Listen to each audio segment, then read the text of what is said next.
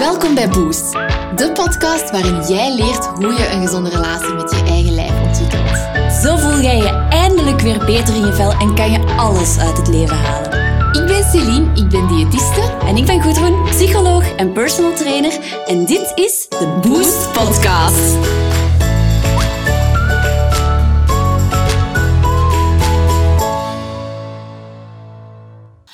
Welkom bij aflevering 14 van de Boost Podcast. Ondertussen zijn we februari, dus we zijn eigenlijk heel benieuwd hoe het gaat met jouw goede voornemens.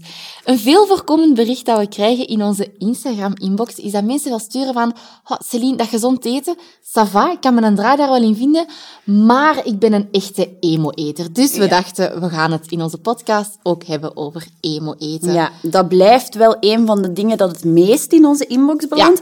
Mensen die zeggen van, kijk, ja, meestal lukt het mij wel, maar als ik me slechter voel, of als ik bijvoorbeeld mijn regels heb, of als, ik, als er iets gebeurt, dan grijp ik heel snel naar eten, eigenlijk, als troost. Klopt. En heel veel mensen vragen aan ons van, ja, hoe geraken wij daar nu eigenlijk vanaf? Vanaf. Wat kunnen we daar aan doen? Daar is eerst en vooral geen eenduidig en easy antwoord op. hè. Daar moeten we Ja. best wel wat nuance voor geven.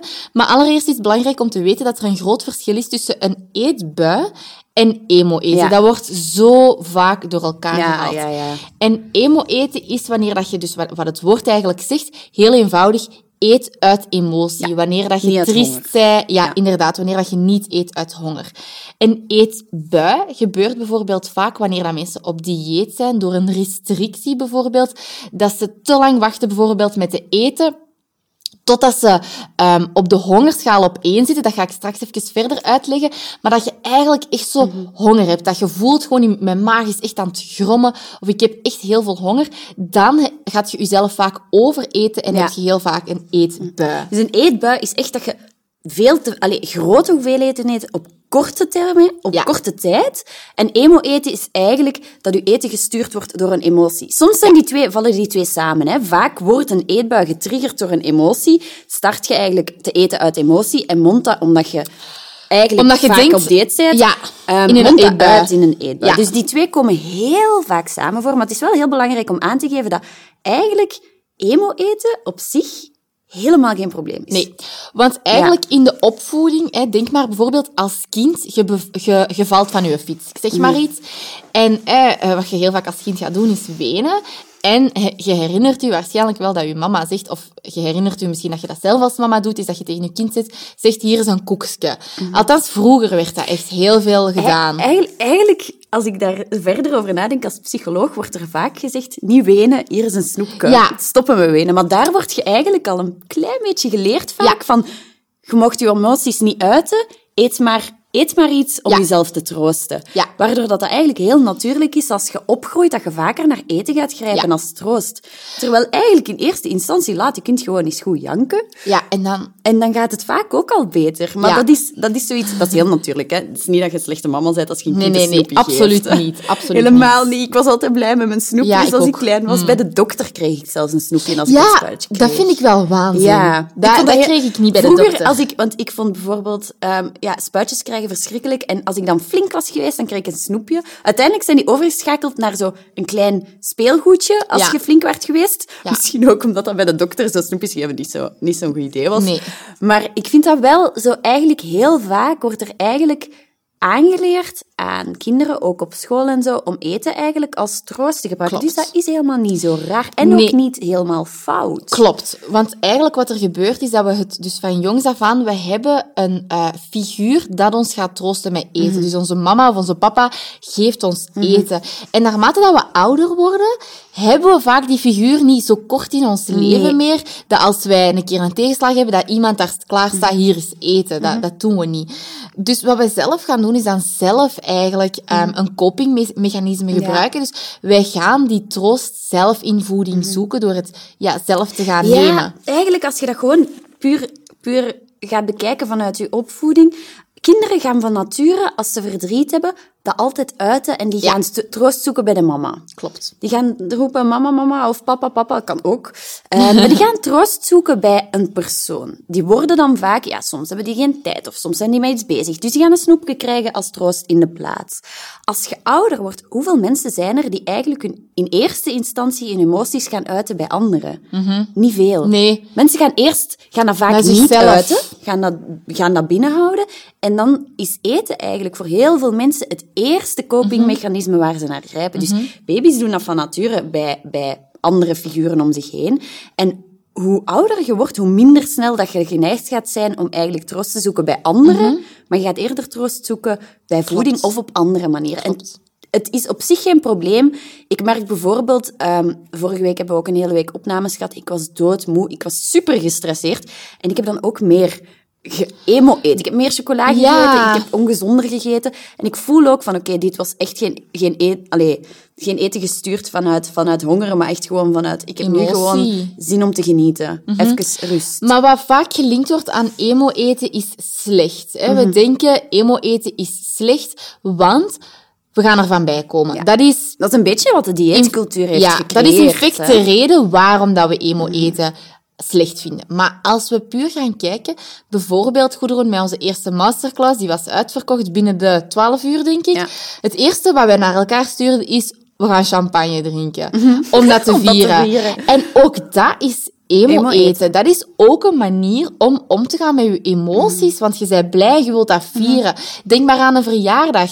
Taart. Dat Ja. is ook emo-eten, want je, je hebt iets te vieren, je bent blij.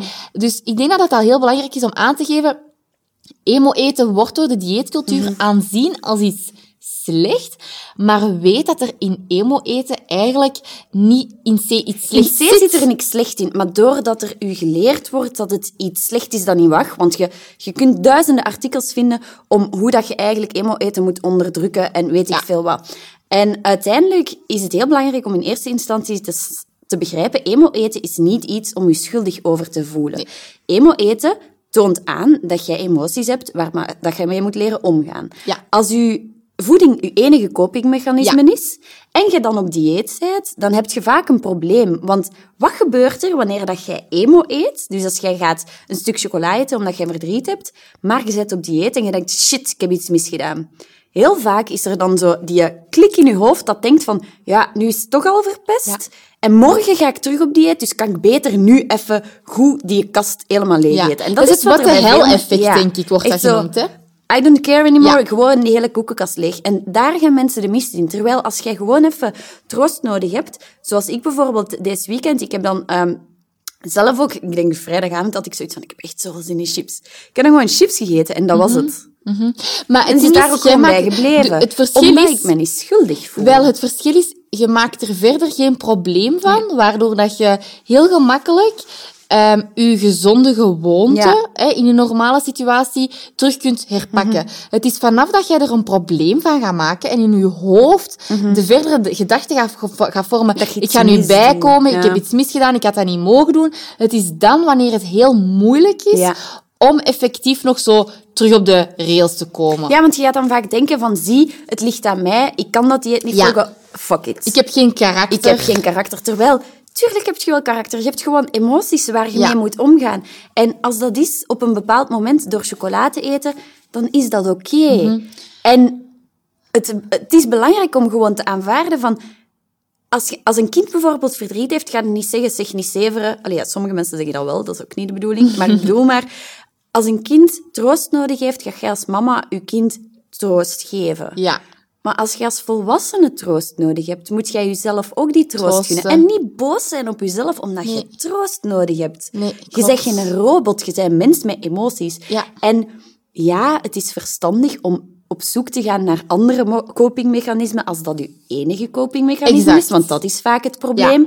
Dat mensen eigenlijk niet over hun emoties praten. Eigenlijk vaak niet eens echt een idee hebben wat er in hun omgaat. Dus als je merkt van, ik ben echt een emo-eter, de eerste stap dat je vaak al kunt zetten om daar mee- beter mee te leren omgaan, is om eigenlijk eens op zoek te gaan naar welke emoties of welke gebeurtenissen zorgen er nu net voor Ja. dat dat gebeurt? Vaak is daar een lijn in Mhm. te zien. Bij mijn, bij mijn, die, eh, bij mijn diëtisten, bij mijn cliënten in mijn, in mijn diëtistenpraktijk zat daar vaak wel een stramien in. Ja. Want dan vroeg ik eh, om een dagboekje bij te houden. Mhm. En je gaat nu denken, oh nee, toch geen eetdagboek. Nee, dat is niet... Een emo emotie Een emo, dagboek, ja. eh, een emo-dagboek, dat klinkt ook echt super negatief, maar een emotiedagboek inderdaad. Dus ik vroeg wel van, eh, schrijf op wat je eet. Mhm. Schrijf op ehm, hoe dat je je daarbij voelt. En als, er, ehm, als je dat een week of twee weken bijhoudt, kun je daar eens op gaan terugkijken. Wat zijn de situaties waarin ik emo eet? Mhm. Is dat altijd na het werk omdat ik gefrustreerd ben over mijn Mhm. baas? Dan zit daar het probleem en is daar hetgeen waar dat jij een oplossing voor moet zoeken. Dat is natuurlijk niet altijd zo met een vingerknip van... altijd dat- alles nee, oplossen, Nee, nee. ik had pas iemand die stuurde, "Ha, Celine, ehm, ik heb een kindje van, eh, van zoveel weken, of een babytje van zoveel weken, ik ben echt heel moe, eh, ik ben vermoeid, eh, en daarom doe ik aan emo eten, maar wat kan ik dan aan die vermoeidheid doen? Ja, als die kindje... Dat heeft- slapen, maar ja. maar dat gaat niet. Met een dus baby? het ding is, daar is niet altijd een oplossing voor. In de meeste gevallen wel. Stel dat je bijvoorbeeld s'avonds in de zetel zit en je, je emotie is verveling, dat, dat kan ook een emotie zijn, dat je je echt zo down voelt en, en verveelt, dat je uit, uit die emotie gaat eten en dan is het eigenlijk je emotie, hè, is dus bijvoorbeeld dat je, dat je triest bent of dat je je verveelt. En daarvoor zou je eens moeten kunnen gaan kijken, wat kan ik hier aan doen om mij terug beter te voelen? Ja, bij heel veel mensen is ehm, een emotie die heel triggerend werkt ook eenzaamheid. Ja, En dan gaan ze vaak eten zoeken als troost, Ja. terwijl je eigenlijk connectie nodig hebt met anderen. exact. Dus ik heb dat heel vaak gedaan vroeger, ehm, dat ik eigenlijk ehm, ging emo eten uit eenzaamheid, omdat ik mij alleen voelde. En eigenlijk door meer te gaan praten met anderen, Ja. door sneller een vriendin te bellen als Ja. ik mij niet goed voelde, door meer connectie te zoeken met anderen, is dat eigenlijk verdwenen. Omdat ik die eenzaamheid niet meer wegeet. Want Exact. je kunt eenzaamheid niet wegeten. Nee. Want als je stopt met eten, is die eenzaamheid er terug. En dat is Het vaak lost het ook maar probleem. voor een paar minuten je probleem op, hè. Terwijl, dat is heel belangrijk, van ga bij jezelf eens kijken, wat zijn de triggers? En vaak is dat bijvoorbeeld op een vrijdagavond helemaal alleen zijn. Ja, voor veel mensen hangt je daar ook aan, zie, nu ben ik zielig. Terwijl als je eraan hangt, ik wil eigenlijk eens op vrijdagavond goed voor mezelf zorgen. Ja. Een bad pakken, een goede serie kijken. Het is ook vaak je hoofd dat er iets negatiefs van kan maken. maken. Ja, absoluut. Ehm, dus bij jezelf eens gaan zoeken van wat zijn die triggers van, die, van dat emo-eten en is er een andere Manier. strategie om daarmee om te gaan. Ja. Als jij vermoeid bent en je klijpt elke avond pas in je bed om één uur en je moet opstaan om zes uur, ja, dan moet je gewoon wat vroeger in je bed slapen. kru- kruipen. Als je merkt van ik ben overstrest van op mijn werk, probeer dan een andere manier te zoeken om te ontstressen. Ga eens wandelen, Ja. probeer eens aan mindfulness te doen. Ja. Ehm, probeer andere manieren te zoeken om die stress te verminderen. Als je merkt van ik heb verdriet, ik ben eenzaam of ik ben boos, praat. Mhm. Als er één ding is dat veel beter werkt dan eten, is het, Is het- praten. Ja, absoluut. Echt, dat is hetgene wat mensen het, het minst graag doen vaak. Maar eens dat je dat leert te doen, dat is echt hetgene wat, wat echt de Mhm. tip nummer één is tegen emo eten. Praten. Want emo eten is een, een manier van internalisatie van je problemen, omdat je Ja. emoties wil binnenhouden. Ja. Zorg ervoor dat je emoties kunt uiten, Uiten. naar anderen toe. En dat gaat er ook veel meer voor zorgen dat je minder geneigd gaat zijn om te emo-eten, omdat je emoties een plaats kunt geven. Omdat je emoties durft te laten zijn en durft Mhm. uit te spreken. Dat is zoals, je kunt dat vergelijken met een ballon dat je ze onder water Ja. probeert te drukken. Als je verdriet voelt en je gaat dat proberen onderdrukken door te eten, dat gaat terug bovenkomen. En je gaat proberen blijven te gaan eten. Dat zijn vaak mensen die dag in dag uit thuiskomen en te beginnen eten uit, uit gewoon omdat ze een vorm van gemis of verdriet of Mhm. zo voelen. En je gaat die een ballon niet beneden kunnen houden. Klopt. Zorg ervoor dat die een plaats krijgt. Ik had bijvoorbeeld, ja, ik ben zelf psycholoog. En ik merkte de laatste tijd bij mezelf dat ik ook terug echt wel veel begon ehm, te emo-eten. Dat is van mij ook gewoon een, een, een copingstrategie. En ik heb zelf ook een psycholoog gezocht en ik ben daar ook tegen vrienden over beginnen praten, omdat ik zelf ook heel hard worstel met het gevoel van, van eenzaamheid momenteel. Ik woon helemaal Ja. alleen in een groot huis. En bij mij is dan een hele grote trigger. Maar doordat ik daar nu over praat, merk ik zo snel al een vermindering in die drang om te eten. En ik denk dat dat is wat mensen moeten beseffen van, als je emo eet, ehm, zijn niet kwaad op jezelf. Er is een onderliggende reden Ja. waarom dat je dat doet. En die reden is heel belangrijk om te gaan begrijpen, Ja. Om er dan ook een gevolg aan te geven, om een uh, manier te zoeken om met je emoties om te gaan. Want uiteindelijk, het lost je emoties niet op. Nee. Je, je hebt en kwaad zijn op jezelf omdat je emotie eet, lost het al helemaal niet op. Nee, nee want dan gaan we vaak met schuldgevoelens in bed mhm. kruipen en de volgende dag terug alle moed bijeensprokkelen. Kom aan, we gaan terug op dieet. Is dat dan ook wel maar een die emoties zitten daar dan nog. Maar de emoties zitten... Ja, exact. Dus het is echt op zoek gaan naar een manier um, om met die emoties te handelen. Um, wat ik ook wel um, tegen een cliënt een keer heb gezegd, is als je heel objectief kijkt naar emo-eten, gaat je misschien ook wel zien dat, u, dat dat u door heel moeilijke situaties heeft geholpen. Soms is eten echt wel even, even een oplossing. oplossing. Zoals even ze zei toen tegen mij van ja, nu dat je zegt dat dat inderdaad een, een hele uh, mooie manier ook kan zijn om met je emoties om te gaan, want het is niet altijd slecht. Um, zij zei, dat helpt mij uh, bij het verwerken van mhm. mijn... Die papa was gestorven. Ze zei van, nu kijk ik daarop terug en, en kan ik daar inderdaad objectief naar kijken van... Dat was toen mijn manier om mij een klein beetje beter te voelen. En ik omarm dat ook. Ja, in plaats van dan kwaad te zijn. is dat iets mooi. Want uiteindelijk, eten, genieten, is ook een vorm van troost. Is ook een vorm van comfort. Ja. Waarom geeft je anders een snoepje aan een kindje? Omdat het ook wel helpt. Ja. Als het niet zou helpen, uiteindelijk moet je emoties een plaats geven. Uiteindelijk moet je dat verdriet verwerken door erover te praten, door dat een plaats te geven. Exact. Het is niet de enige oplossing. Maar het, kan, op momenten dat je echt overweldigd bent, wel als je er open voor staat, zorgen voor een gevoel van comfort. Ja, dus zolang dat jij je daar niet schuldig over voelt, is dat eigenlijk helemaal niet zo'n groot probleem. Nee als je naar elke Amerikaanse tv-serie kijkt en je ziet, er is een break-up geweest. Echt, bijna altijd staan ze daar met een pot Ben Jerry's. Maar echt, exact. En ja. bij mij en mijn vriendinnen, ik weet dat nog, als, als het bij mij gedaan was met, met mijn uh, vriend, uh, stond er ook een vriendin die week zelf aan de deur met een pot Ben Jerry's. En dan ben ik dus oprecht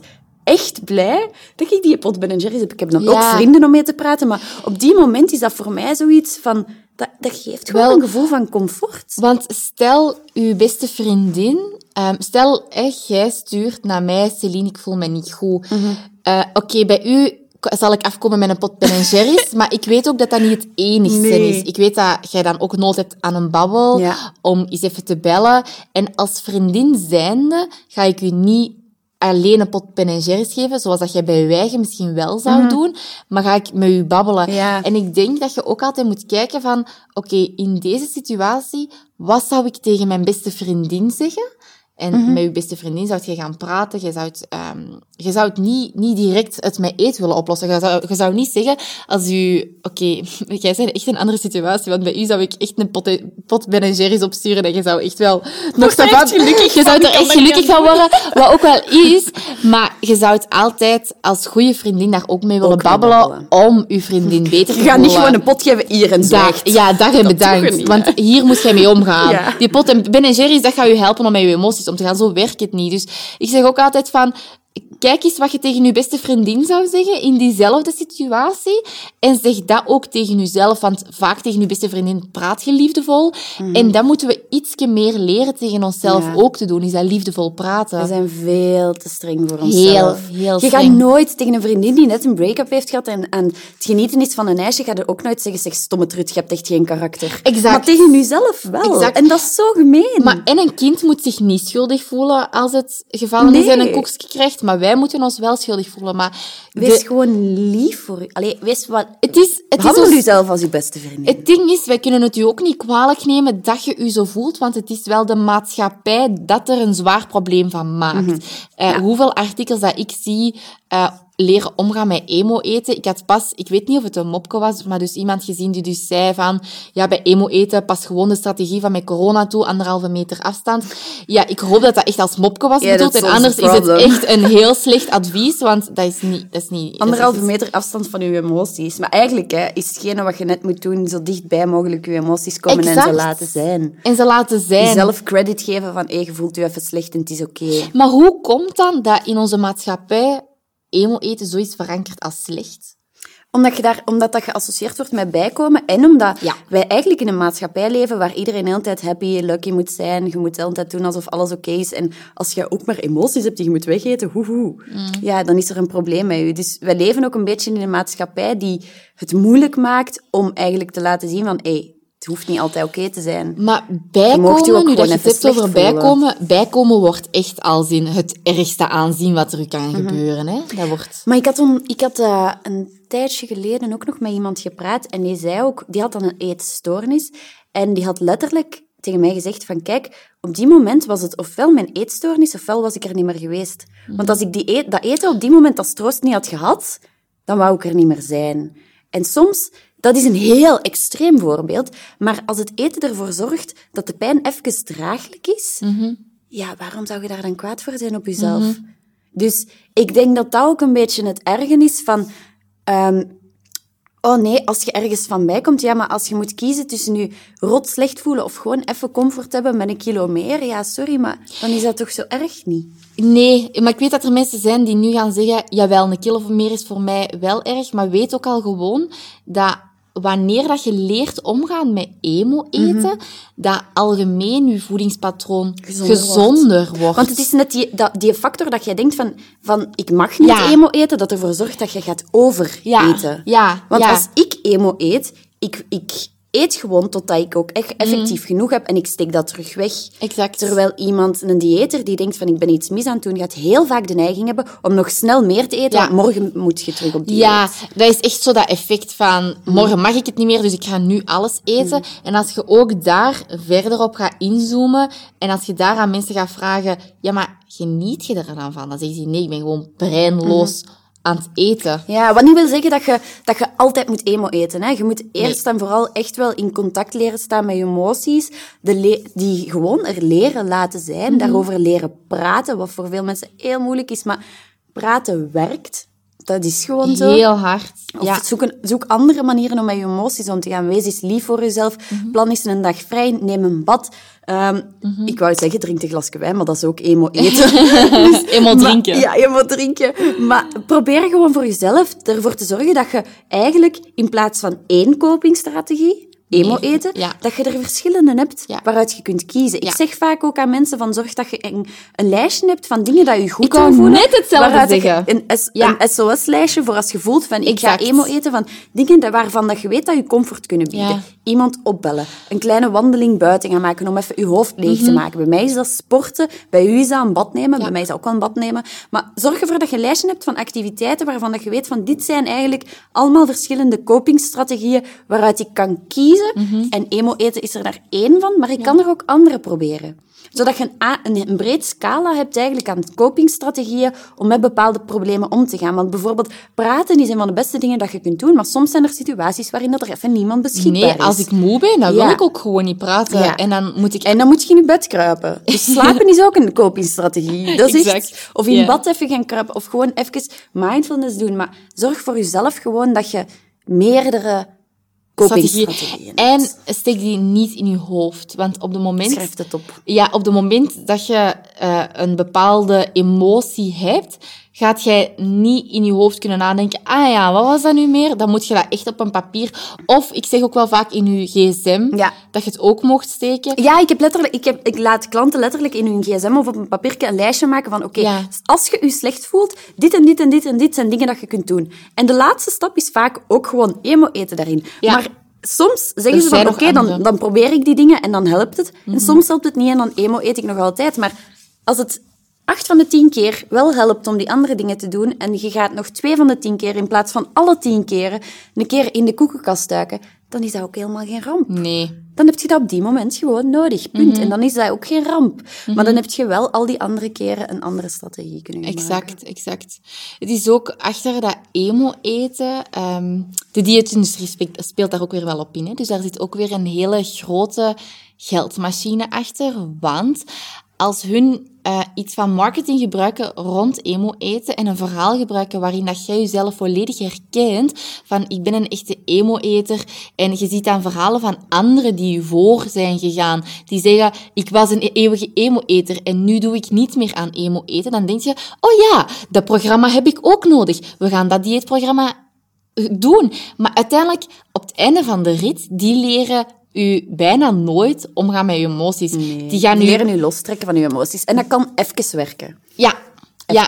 Maar dat komt altijd terug boven. Die schema's, dat is ook een manier, denk ik, vaak. Je- Diëten is ook een vorm van ja, ik kan dat niet emo-eten noemen, maar is ook een manier om je los te trekken van je emoties, Exact. omdat je alleen maar bezig Je- moet zijn met getalletjes Ja. en dat schema volgen. Ja, je bent zo bezig met je gewicht en met, ehm, met je eten en met zoveel eten, dat dat, dat dat al je energie vergt. Dus je kunt niet nog energie hebben om je emoties juist aan te voelen. Bij mij is dat ook op een, een periode waarin ik het heel moeilijk had. Ik heb, ik heb orthorexia ook gehad, waarbij ik echt alles stelde. Kun je misschien uitleggen wat orthorexia is? Ja. Want ik denk niet dat iedereen dat weet. Orthorexia is... Ja, dus ik heb eerst anorexia gehad, dan bulimie. En dan orthorexia is eigenlijk heel gezond eten. Extreem gezond eten. Dus ik telde elke calorie, elk rijstkorreltje. Ik had, ik had extreem gezond elke dag exact dat aantal calorieën. En allemaal gezonde, natuurlijke producten, bla, bla, bla. Maar doordat ik daar zoveel mee bezig was... hoefde ik ook niet bezig te zijn met mijn emoties. En dat werkt tijdelijk, Ja. totdat je eraan onderdoor gaat. Totdat die emoties zo zwaar worden, dat die er toch een weg uitvinden. En als ik daar dan mee stopte, dan werd ik ook vaak echt wel even overweldigd door emoties. En mensen merken dat ook vaak als ze een dieet loslaten, dat ze even een fase hebben dat het zo... Dat je even overweldigd ook kunt zijn door emoties, omdat je die zo lang hebt onderdrukt. Maar ook dat gaat weer over. Ja. Als je dat even laat zijn, en dan kun je ze effectief verwerken, en dan gaat dat ook wel weer over. Maar bij mij was dat heel hard ook een vermijdingsstrategie. Diëten Ja. was ook gewoon een strategie om emoties te vermijden. Klopt. Op die moment. Nu dat je aan het vertellen bij, eh, bent, doe mij dat eh, herinneren aan een hele mooie eh, YouTube-video, die dat wij ooit ook tijdens een masterclass hebben laten luisteren. Je kunt die op YouTube vinden op What Every Girl we zullen die anders ook nog op We de zullen die website eh, zetten. bij op de website zetten. Echt, van, ik, ik bekeek Mhm. dat filmpje en je moet hem echt gaan kijken. Ik bekeek dat filmpje en ik moest echt oprecht, ik Ja. had tranen in mijn ogen, want dat was exact, denk ik, wat Hoeveel elke vrouw voelt, elke vrouw voelt, ehm, allee, of is vaak onzeker. Mhm. Elke vrouw is heel, heel veel gezegd, maar het zijn er veel die heel onzeker zijn over hun lijf. de grote meerderheid. De hele grote meerderheid Ja. is onzeker Ja. over hun lijf. En dat omschrijft zo mooi het Mhm. gevoel van, kijk, het, het ligt niet Aan- aan u. Het ligt aan de dieetcultuur, aan de dieetmaatschappij, die ervoor zorgt dat jij je slecht voelt. En ook weer daarachter zit een hele berg geld, maar uiteindelijk weet vooral dat het niet aan u ligt. Dat het echt ehm, aan de dieetcultuur is dat u doet geloven dat het aan u ligt. Ja, ik denk dat dat ook een hele mooie is om mee af te sluiten. Ehm, op onze website www.getyourboost.be slash 14 kan je ook de korte samenvatting vinden van deze aflevering. We zullen er ook de link in plaatsen van die video. Ik, ik zeg, Ja, je moet die video moet echt eens zien als jij je herkent in, in dat verhaal. www.getyourboost.be slash 14. We gaan daar ook onze download van Ditch the Diet in plaatsen, waarin dat we jou tips geven om eigenlijk op een gezondere manier met voeding te leren omgaan. Dus www.getyourboost.be slash 14. En dan zien we je volgende keer weer met een Yes. nieuwe En aflevering. vergeet zeker niet te sharen in je stories als je het interessant Ja, vond. zeker en vast. Tot de volgende!